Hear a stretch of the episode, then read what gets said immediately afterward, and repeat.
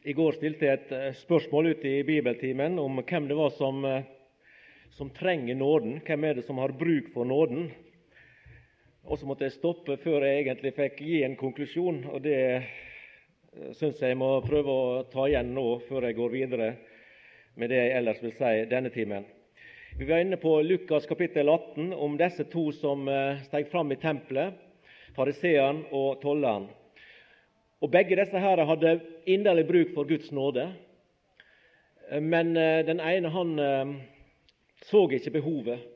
Han var så vel tilfreds med sin egen rettferdighet. Mens eh, tolleren han innrømte sin konkurs. Han innrømte sin fiasko. Han erkjente seg som en fortapt synder og ba om nåde. Og han fikk nåde.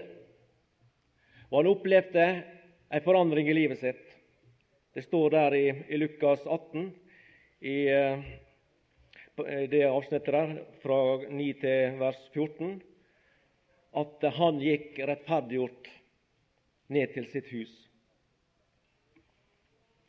Hvem er det som trenger nåden? Og Svaret er at alle mennesker trenger nåde. Alle mennesker, uansett hvem vi er, og hva vi heter, og hva slags bakgrunn vi har. Enten vi er frelst enn vi er ufrelst. Den mest trufaste, den mest hengivne, ydmyke og hardtarbeidende kristne trenger nåden like mye som den mest hard belasta synder som vi kan tenke oss.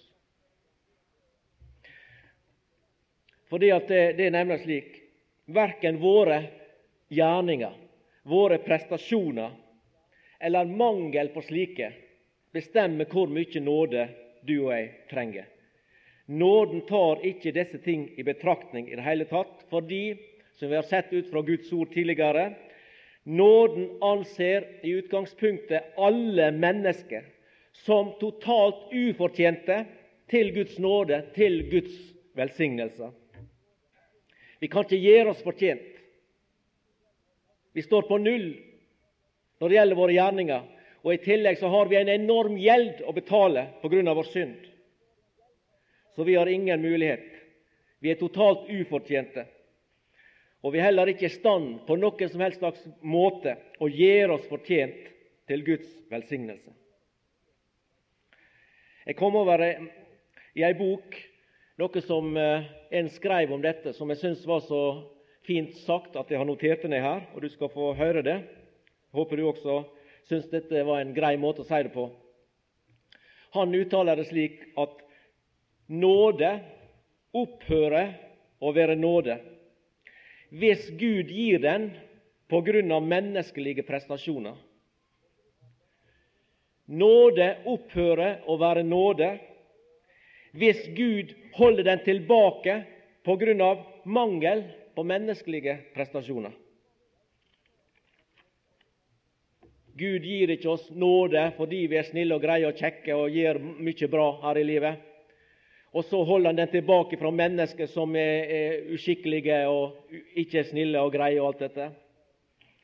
Vi kan ikke gjøre oss fortjent til nåden. Vi kan heller ikke tape den pga. våre gjerninger og våre prestasjoner. Men det er det du og jeg ofte tenker, som vi har hørt tidligere her i, i, i kurset. Dette at vi er urolige over disse ting som, som uh, Alle de ting vi burde ha gjort og sagt, men som ikke ble gjort og sagt. Og alle de ting som burde vært usagt og burde vært ugjort. Det er godt å vite at eh, Gud ikke behandler oss avhengig av disse tingene her. Men han behandler oss i nåde uavhengig av dem. Newton, som jeg har nevnt, som skrev denne fine sangen 'Amazing Grace'. Nåde underfull og stor. Han levde i et liv i synd før han ble en kristen, før han ble frelst. Han hadde opplevd et syndefullt liv og fikk en radikal omvendelse og fikk et radikalt liv med Gud etterpå. Han opplevde denne forskjellen på før og nå i sitt liv, og han holdt aldri opp, og det vitner også denne sangen han har skrevet. Han holdt aldri opp med å undre seg og forundre seg over at Guds nåde gjaldt han.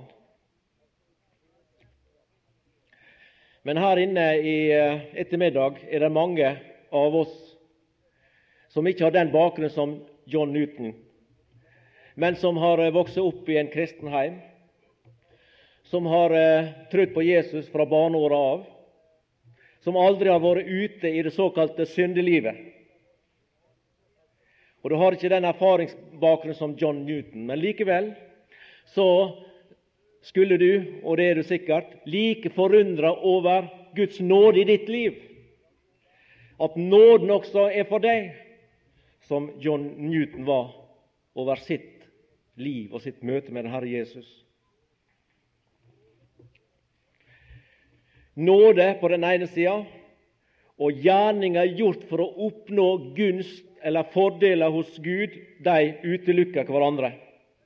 Vi kan altså ikke stå med én fot i nåden og med én fot i våre gjerninger. Det har vi hørt tidligere i dag i forbindelse med Galaterbrevet. Lov og nåde utelukka. Nei, for oss som eh, er frelst, så gjelder det, slik som det er uttrykt i en sang som er notert med det her, i et vers, en som uttrykker det slik Intet godt jeg bringer deg, til ditt kors jeg klynger meg. Naken jeg om kleder ber, hjelpeløs til nåden ser. Uren flyr jeg til ditt blod, rens meg, Frelser, i den flod. Ja, slik er du og jeg som et naturlig menneske. Vi er nakne, vi er hjelpeløse, vi er ureine, vi er syndige. Vi er ufortjente til Guds nåde. Likevel overøser han oss med nåden til frelse og til bevarelse og til herliggjørelse. Nåde hele veien. Vi skal så gå til Romerbrevet, det femte kapittel, og lese eh, to vers der. Det er vers 20 og 21. Romerbrevet 5, 20 og 21 og fortsette å prøve ut fra Guds ord å vise at nåden er virkelig stor og underfull, og at det er et under over under at du og jeg får oppleve den, erfare den, leve i den.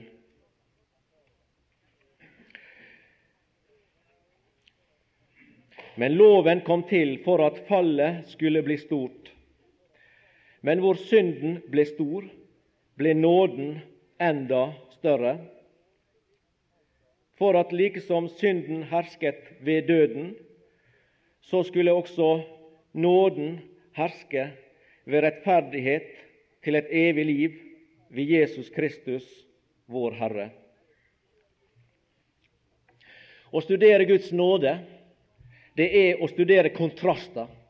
Og Vi las minst et par stykker her i disse to versene. Kontraster mellom menneskets enorme åndelige nød, fullstendige konkurs på den ene sida, og Guds overstrømmende nådestilbud om frelse i Kristus Jesus på den andre sida. Vi la oss her om lov og nåde. Vi leser om synd som forvolder død, og vi leser om nåden som forvolder liv. Død og liv synd og nåde. Kontraster. Og Vi skal ta en del andre vers ut fra Det nye testamentet som viser dette i fortsettelsen. Men det er Bibelen, Det nye testamentet, bygger opp på den ene sida den mørke bakgrunnen, menneskets fortapte og forderva tilstand, vår åndelige nød og våre, vår behov for nåde. Og på den andre sida Guds nådes tilbud i Kristus Jesus. Vi har sett ut fra Guds ord, vi har lest det både i Romerbrevet og andre plasser, at vi mennesker er i utgangspunktet syndige, urettferdige, ugudelige, Vi er skyldige overfor Gud, og vi er alle sammen, uansett hvem vi er, i behov av Hans nåde. Og Vi skal nå noen minutter prøve å se hvordan Gud på forunderlig vis kommer vår nød i møte, og kommer våre åndelige behov i møte, og tilbyr oss å bli fullstendig tilfreds. På en mørk bakgrunn av skyld og skam stråler så Guds frelsende og bevarende nåde fram i all sin glans og prakt. Og Det første jeg vil nevne litt om, det er kontrasten mellom vår ruin, som vi lever i som mennesker, som rase, som menneskeslekt, og Guds legemiddel i denne sammenheng. Paulus han bruker disse kontrastene når han beskriver Guds nådefulle legemiddel overfor vår ruin. Han beskriver det i en rekke skriftsteder i Det nye testamentet, og som alle begynner med et 'men'. Og eh, En har sagt det slik at han kaller det for Guds vidunderlige menn i Bibelen. Vi går først til Romerbrev 3, bare for å få repetert vår mørke bakgrunn som syndige mennesker som lever uten ære for Gud i vår naturlige tilstand etter fallets dag. Vi har jo lest fra vers 10 tidligere, og jeg tar det om igjen. Som skrevet er, det finnes ikke én rettferdig, enn ikke én. Det finnes ikke én som er forstandig, det finnes ikke én som søker Gud. Alle er avveket, alle til hope er de blitt udugelige. Det finnes ikke noen som gjør godt, det finnes ikke en eneste. Deres strupe er en åpnet grav, med sine tunger gjorde de svik, ormegift er under deres leper. Deres munn er full av forbannelse og bitterhet. Deres føtter er snare til å utøse blod. Ødeleggelse og uselhet er det på deres veier, og fredsvei kjenner de ikke. Det er ikke Guds frykt for deres øyne. Men vi vet at alt det som loven sier, det taler den til dem som har loven, for at hver munn skal lukkes og hele verden bli skyldig for Gud. Og siden intet kjøtt blir rettferdiggjort for ham ved lovgjerninger, for ved loven kommer syndenes erkjennelse. Det er vår bakgrunn og vår tilstand og vår stilling som et ufrelst menneske. Her er det beskrevet hva fallet har ført med seg av konsekvenser i menneskelivet, i menneskenaturen. Og så kommer vers 21. Der står det slik Men nå er det hva Gud har gjort, som kommer inn på arenaen. Tidligere så hører vi her i versene før om vår situasjon og vår tilstand og vår stilling. Men Gud, da skjer det noe. Men nå er Guds rettferdighet, som loven og profetene vitner om, åpenbart uten loven. Det vil si Guds rettferdighet ved troen på Jesus Kristus, for alle og over alle som tror. For det er ingen forskjell. Alle har syndet og fattes Guds ære, og de blir rettferdiggjort uforskyldt av Hans nåde ved forløsningen i Kristus Jesus, som Gud stilte til skue i Hans blod som en nådestol ved troen, for å vise sin rettferdighet, fordi han i sin langmodighet hadde båret over med de synder som før var gjort. Her leser vi 'men Gud'. Men nå er Guds rettferdighet åpenbart, og den fører noe med seg. Den fører med seg, på bakgrunn av Jesu Kristi frelsesverk, at Gud kan rettferdiggjøre syndere og på hva slags måte er det det skjer? Jo, det leser vi her i verset. I vers 24 de blir rettferdiggjort av Hans nåde. Det er nåden i virksomhet. Det er Guds nåde som er virksom overfor den synder som overgir seg Guds hand, frelserhand. Han rettferdiggjør oss ved av Hans nåde ved forløsningen i Kristus Jesus. Jesus vendte Guds vrede ifra oss. Vi fortjente den, men han vendte Guds vrede fra oss og mot seg sjøl. Og så rammer Guds vrede han der han hang på korset, der han sonte vår skyld og betalte vår gjeld.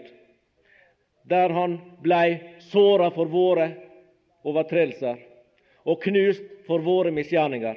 Der straffa blei lagt på ham for at vi skulle ha fred. Jesus vendte Guds vrede fra oss og mot seg sjøl. Han tok vår skyld og vår straff på seg på korset. Slik også Peter vitna om det i, i 1. Peters brev. Jeg skal lese et par vers der. 1. Peters brev, 2. kapittel og vers 24. 1. Peter 2, 24. Han som bar våre synder på sitt legeme opp på treet.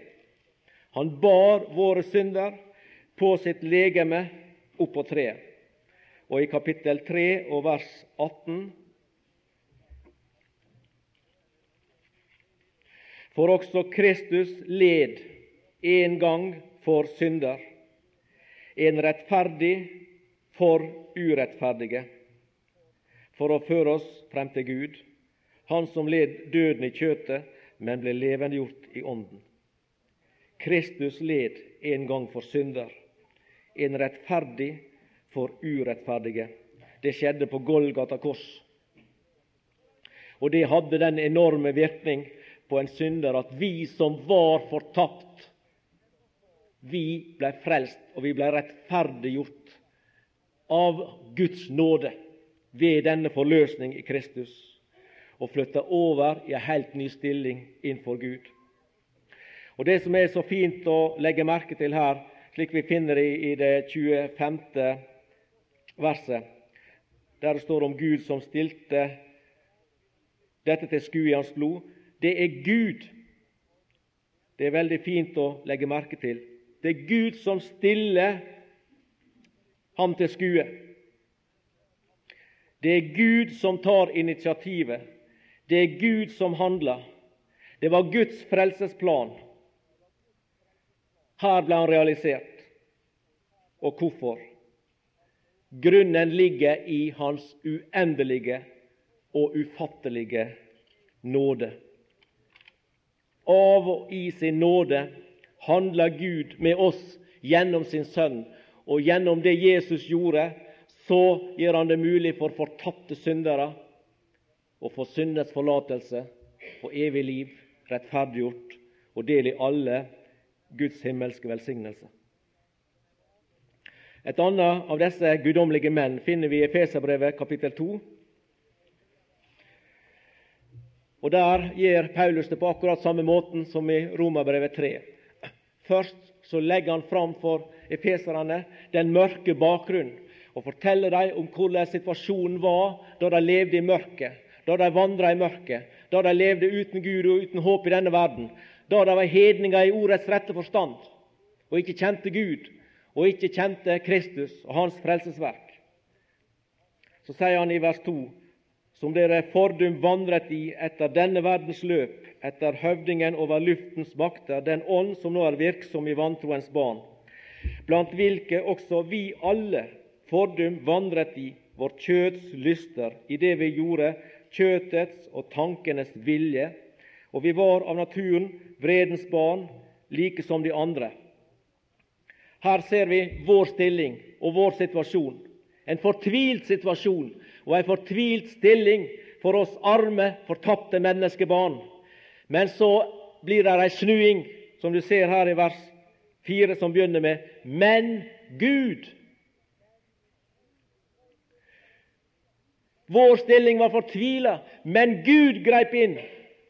Vi var døde syndovertredelse, men Gud greip inn. Men Gud, som er rik på miskunn, har for sin store kjærlighets skyld, som Han elsket oss med, gjort oss levende med Kristus. Enda vi var døde ved våre overtredelser. Av nåde er dere frelst Det er det som her blir konklusjonen. Paulus konkluderer med det. Og igjen i vers 8.: For av nåde er dere frelst. Før var det slik og slik. Da levde dere i mørket. Da levde dere borte fra Gud. Da levde dere slik og slik. Men av Guds nåde og Hans miskunnhet så har situasjonen endra seg i deres liv. Og Resultatet på Guds inngripen er dette av nåde er dere frelst. Av tru og det ikke av dere sjøl, er Guds gave. Vår situasjon var håpløs, og vi kunne intet gjøre. Men Gud greip inn, og han greip inn i nåde. Et tredje menn finner vi i Titus brev, det tredje kapittel. Det er også et av disse vidunderlige Guds menn i Det nye testamentet, som viser og tar for seg kontraster. Kontraster mellom mørke og lys, mellom vår ufrelste tilstand og hva som vi eier nå etter at vi hører Gud til. Igjen tar Paulus opp kontrasten mellom vår, altså menneskets, fullstendige ruin og Guds legemiddel. I vers 3 der gir han den mørke bakgrunnen, for også vi var en gang uforstandige, ulydige, villfarende, treller av mangehånde begjæringer og lyster. Vi levde i ondskap og avvind, vi var forhatt og hatet hverandre. Det er litt av en attest som blir gitt her, og en sjølerkjennelse som Paulus her kommer med. For vi var en gang.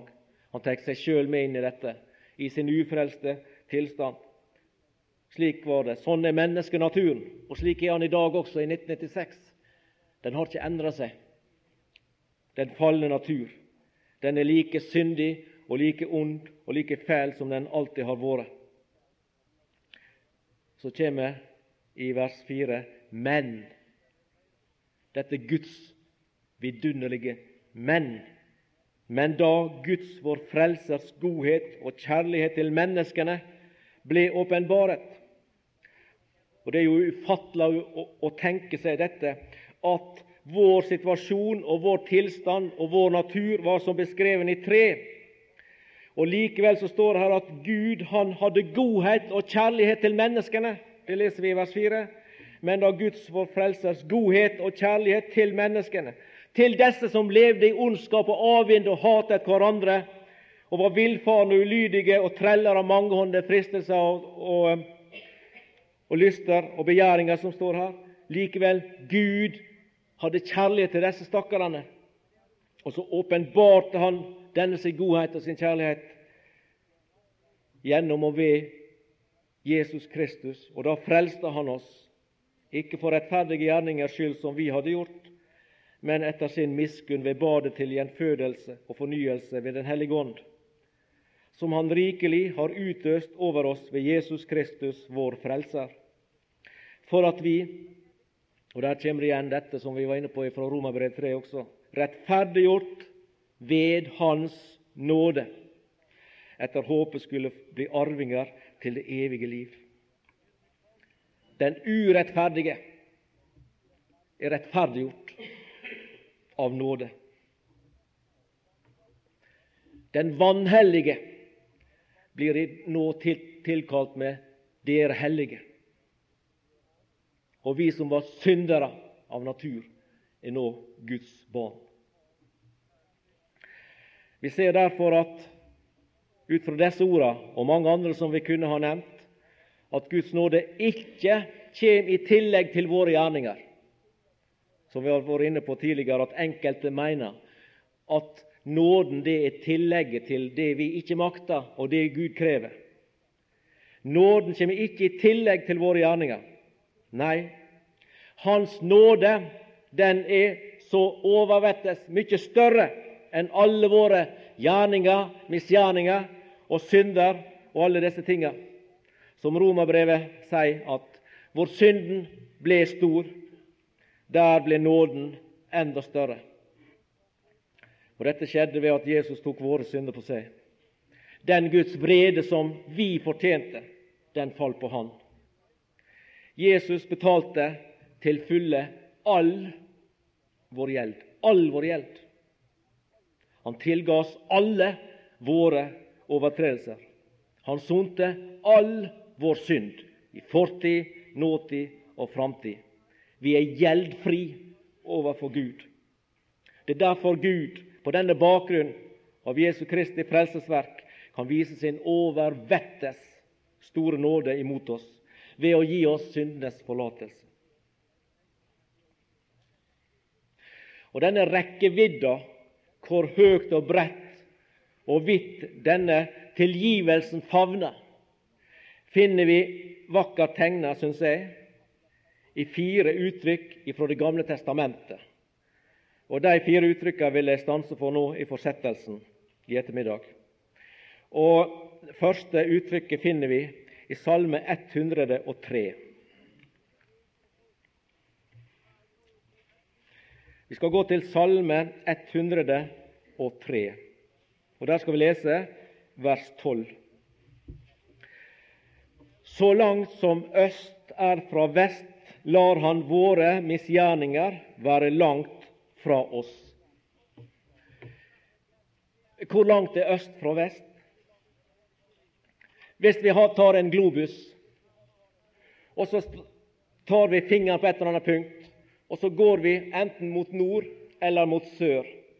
Går vi mot nord, så vil vi gå mot nord til vi når Nordpolpunktet, og så vil vi gå mot sør. Og så går vi til Sørpolen, og så går vi mot nord. Og så går vi til Nordpolen og går mot sør. Vi går mot sør og nord annenhver gang. Men slik er ikke det hvis vi går vestover eller østover på globusen. Går vi vestover, så fortsetter vi å gå vestover. Og går vi østover, så fortsetter vi å gå østover. Øst og vest vil aldri møtes på globusen. På en måte så kan vi si at avstanden mellom øst og vest er uendelig. Så når Gud her sier, slik som vi la oss i ordet, så langt som øst er fra vest, lar Han våre misgjerninger være langt fra oss. Så sier Han at våre misgjerninger, de er uendelig langt fra oss. Han er fjerner dem uendelig langt bort fra oss, så langt som øst er fra vest. Og den avstanden er ikke målbar. Og det som han sier med dette uttrykket, så langt som jeg forstår det i hvert fall, så beskriver han gjennom dette ordet syndenes forlatelse på en slik måte at han sier at hans tilgivelse er fullstendig. Vi mottar syndenes fullkomne tilgivelse når vi kommer til Han og blir frelst. For så langt som øst er fra vest, lar Han våre misgjerninger være langt fra oss. Han holder ikke regnskap med våre synder. La vi se på eh, vers eh, nummer ti der. Han gjør ikke med oss etter våre synder, og gjengjelder oss ikke etter våre misgjerninger. Vi som lever og er frelst, som lever i nåden. Gud holder ikke regnskap med våre synder og fører opp og fører opp og fører opp. Nei, han lar våre misgjerninger, våre synder, være så langt fra oss som øst er fra vest. Han gjør ikke med oss etter våre synder. Nei, Det er jo nettopp det vi har fått oppleve når vi tok imot Han som vår frelser. At Han behandler oss i nåde ufortjent. Han behandler oss i kjærlighet ufortjent. Han lot det som skulle ramme oss, ramme sin enbårne og elskelige sønn. Og på bakgrunn av det verk som han gjorde, så blir vi behandla av Gud i nåde. Han gir ikke med oss etter våre synder, Våre synder rammer Jesus. Han gir ikke med oss etter våre misgjerninger. De ble den Herre Jesus knust for på Golgata kors. Der behandler Gud dem i dom, og så fjerner Han dem fra oss. Og så får du og jeg som et Guds barn leve i fullstendig syndenes tilgivelse. total og betingelsesløs. Den er ikke knytta til våre gjerninger, vår fortjeneste, hva vi kan prestere. Men det er et resultat av hva den Herre Jesus Kristus gjorde for oss, og som blir overført på oss når vi tar imot og blir frelst. Slik er Gud. Han handler med oss i nåde og ikke etter fortjeneste. Det står i Bibelen. Det er Guds ord. Vi må tro det. Guds ord er sant. Tenk at det gjelder deg, og det gjelder meg. Tenk at vi får tro det, leve i det, hvile i det, regne med det i alle livets situasjoner at dette er sant. Vi lever i syndens forlatelse. Grunnlaget for at Han lar våre misgjerninger være så langt fra oss som fra øst til vest, det er av nåde og ved nåden i Kristus Jesus. Gud la våre synder på Han. Han tok vår straff og betalte vår skyld. Og ved at Kristus døde i vår plass, så blei Gud fullt ut tilfredsstilt. Og Gud kan i dag, uten å gå på akkord med sin rettferdighet, tilgi deg og meg og alle mennesker som kommer til Han, fullstendig og absolutt. Han kan vise nåde imot deg som egentlig fortjener hans vrede. Det andre uttrykket finner vi i Esaias 38. Esaias 38.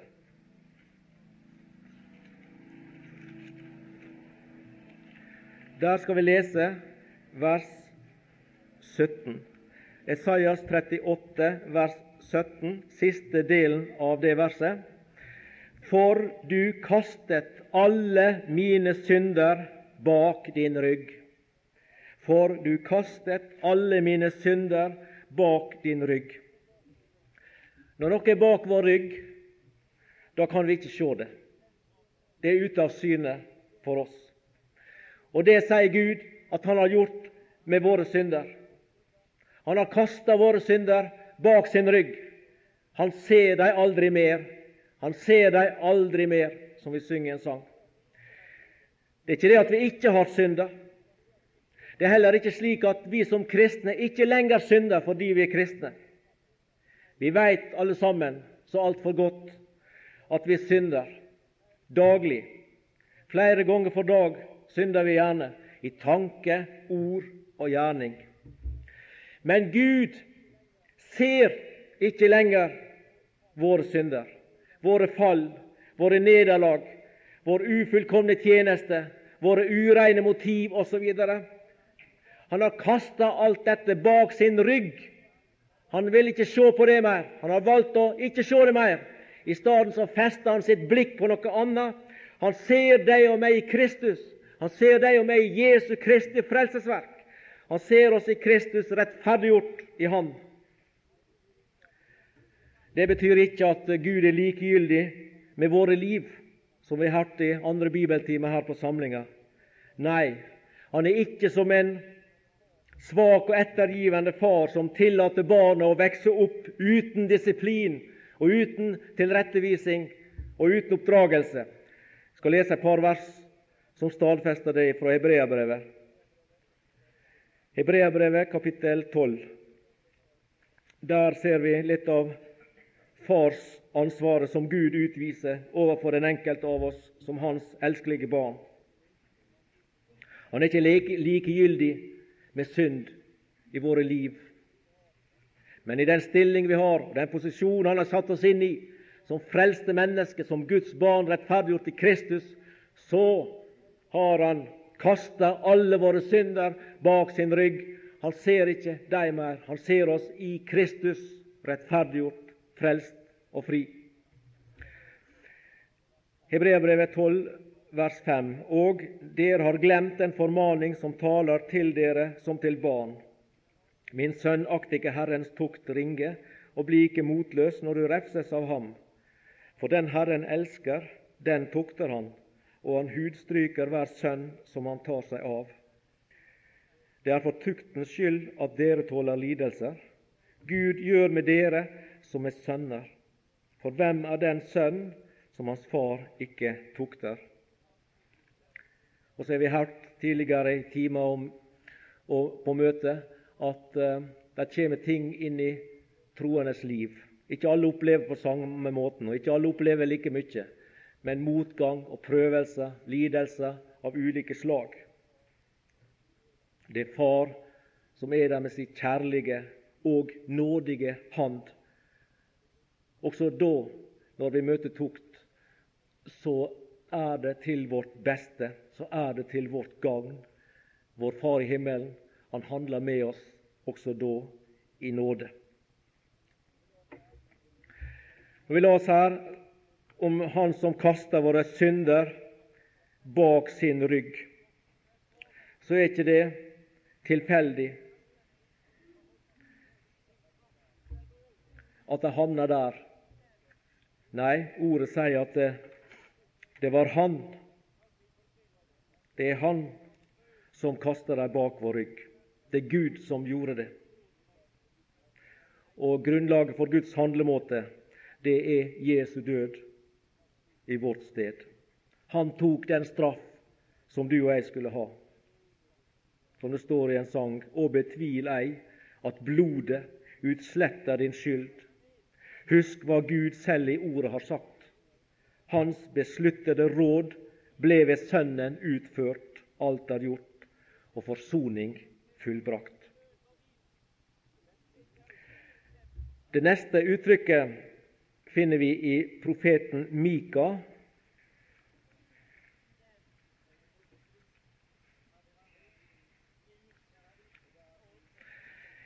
Og der i kapittel 7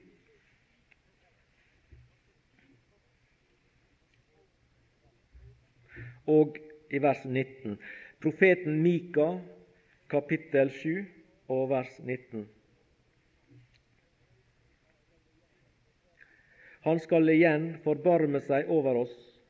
Han skal trede våre misgjerninger under føtter. Og så kommer det uttrykket jeg vil stanse opp for. Du skal kaste alle deres synder i havets dyp. Slik er det Gud behandler våre synder. Han kaster dem i havets dyp, borte fra hans åsyn, borte for alltid. De skal aldri mer gjenfinnes. De skal aldri mer takes fram og brukes mot oss. Han har, hører vi ifra ordet, kasta dem bak sin rygg. Han har kasta dem i havets dyp. Han tar dem bort for evig, fordi han har behandla syndespørsmålet og syndens problem i sin egen sønn, da han ble gjort til synd for oss. Han, den rettferdige, tok våre synder på sitt legeme opp på treet. Oss urettferdige fikk oppleve at han gikk inn i vår plass og blei vår stedfortreder. Ser du hva disse bildene her forteller oss som hører Jesus til? Ser du at Guds tilgivelse når det gjelder våre synder, den er fullstendig, og den blir ikke trukket tilbake. Han kaster ikke våre synder i havets dyp, og så fisker han dem opp igjen etter ei tid og holder dem framfor oss og sier 'Jeg angrer meg'. Nå har du oppført deg uskikkelig. Nå har du oppført deg ulydig. Nå har du trassa mine forskrifter osv. Nå skal jeg kreve deg til regnskap. Nei, langt derifra. De forblir i havets dyp. Vår hukommelse kan trekke dem fram. Andre mennesker kan komme trekkende med dem. Satan kan trekke dem opp. Men Gud han har kasta deg i havets dyp. Han har kasta deg bak sin rygg. Han vil aldri mer komme deg i hu. Han har lagt, sendt deg av gårde så langt som øst er fra vest. Han trekker deg ikke inn igjen og holder deg framfor oss. Hans tilgivelse, den står fast. For det leser vi om i Romerbrevet, eh, det 11. kapittel og det 29. vers der Paulus sier, og det gjelder også i denne sammenheng, Romerbrevet 11 og vers 29. Det gjelder også i denne sammenheng. For sine nådegaver angrer Gud ikke på. Og ingen av oss er vel i tvil om at synders forlatelse er en nådens gave ifra himmelens Gud. Guds nådegave er evig liv i Kristus Jesus vår Herre. Og en del av det evige liv og frelsa innbefatter syndes tilgivelse, syndes forlatelse. Det er en gave fra Gud som en synder får når han kommer til Jesus. Og sine nådegaver angrer Gud ikke på. Han vil aldri angre på at han har gitt oss syndens forlatelse. Det vil stå fast. Der får vi leve, der får vi dø, i syndenes forlatelse. Uansett hvor stygge du er, uansett hvor uh, lite du gjør for Jesus, hvor vrang og elendig vi synes vi er, hvor mange synder vi har begått, så lever vi i syndens forlatelse, og Gud tilgir oss fullt ut på grunn av den Herre Jesus Kristus. Jeg las en plass om en, en person, en mann, som uttalte det at han var kommet i en, i en periode i sitt liv som han kom derhen at han ikke vågde lenger å ta til seg 1. Johannes brev, kapittel 1 og vers 9. Han torde ikke å ta til seg det verset.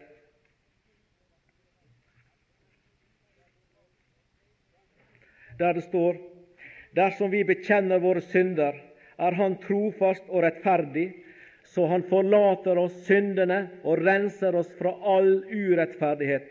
Det verset det torde ikke han lenger å ta til seg, fordi han mente at han hadde syndet så mange ganger som et Guds barn at all hans kreditt var oppbrukt overfor Gud. Han hadde ikke mer kreditt å gå på. Derfor så torde ikke han, han trodde ikke det var mer forlatelse å få, for Gud hadde tømt ut sine ressurser.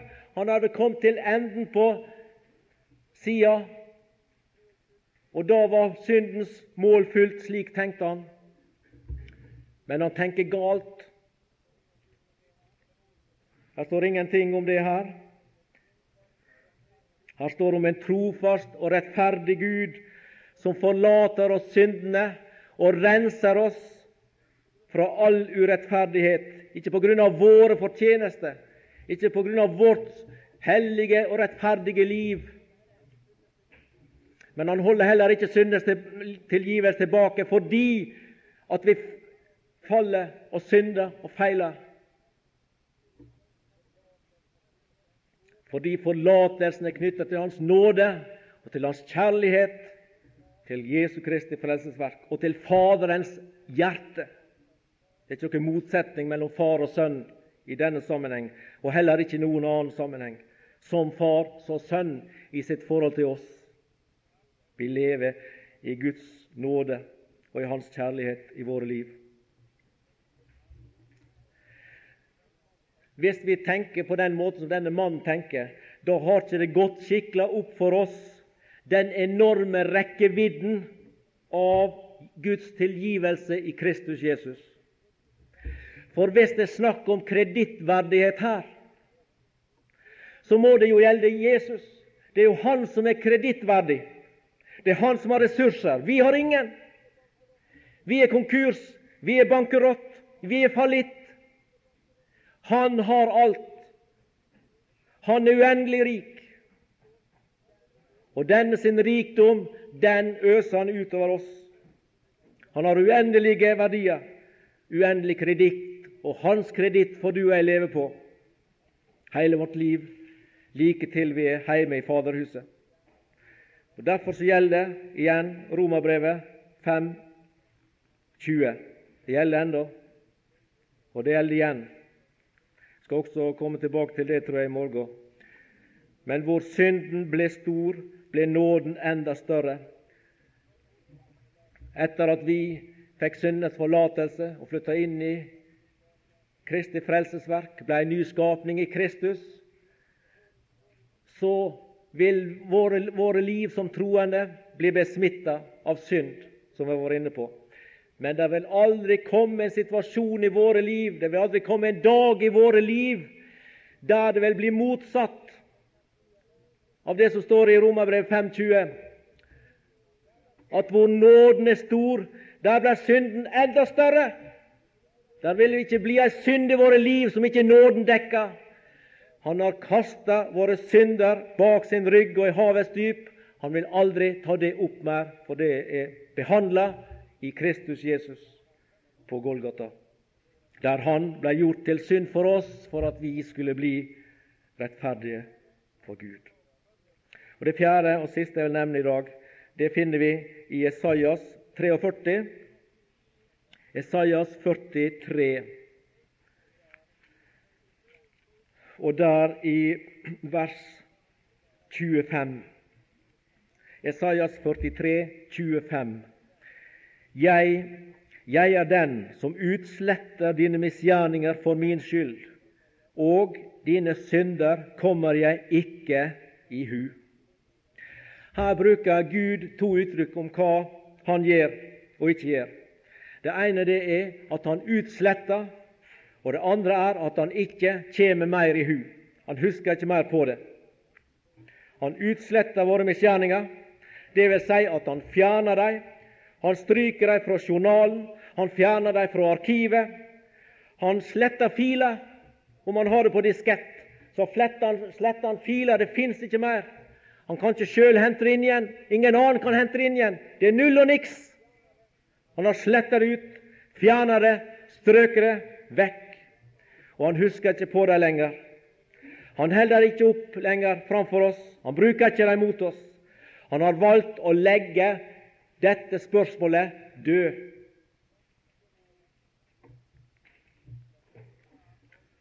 Han utsletter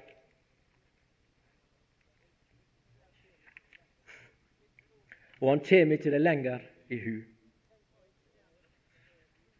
Tenk deg, tenk meg nå en liten uh, situasjon her som jeg kan, i hvert fall fra min hverdag, kan være aktuell.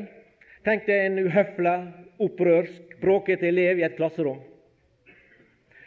Hans, eller det kan også være ei jente, kan få konsekvenser både i forhold til medelever i forhold til skolens ledelse og i forhold til læreren.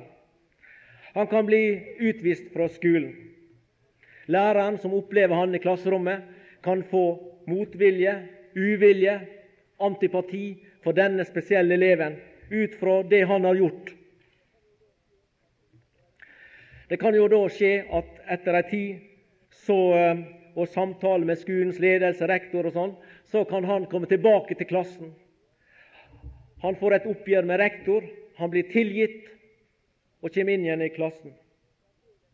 Men likevel, fremdeles kan læreren ha personlig motvilje mot denne eleven, mot vedkommende.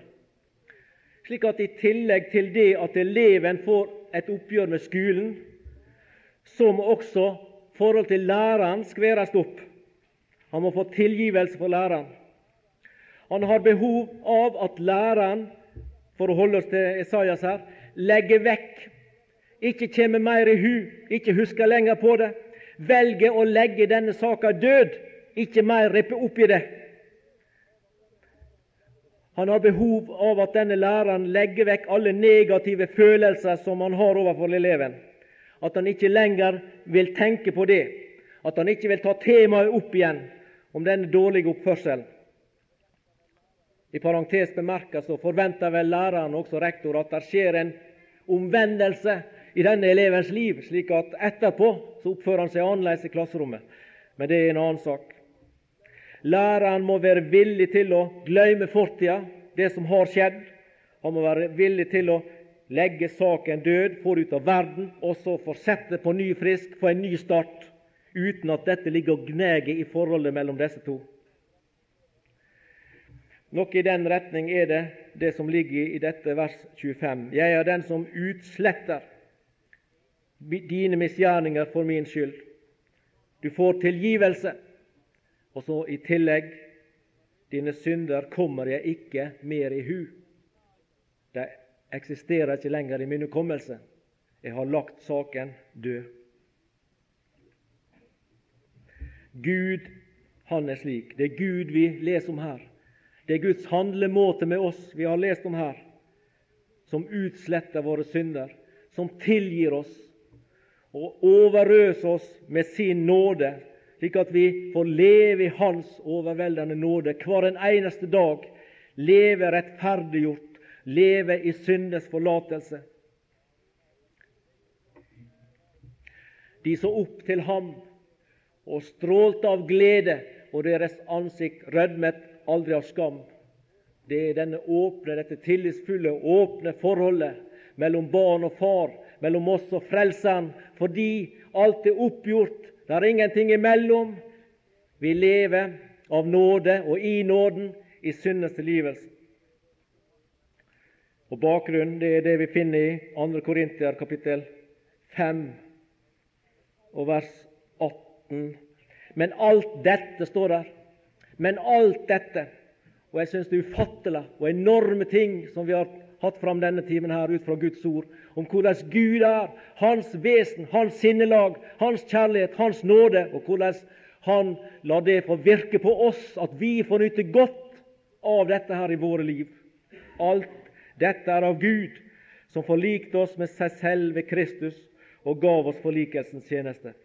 Og så kommer som en konsekvens av dette at alt dette er av Gud, som forlikte oss med seg selv ved Kristus og satte oss inn i Kristi frelsesverk, så lyder Romerbrevet 8, vers 1, så er det da nå ingen fordømmelse for den som er i Kristus Jesus.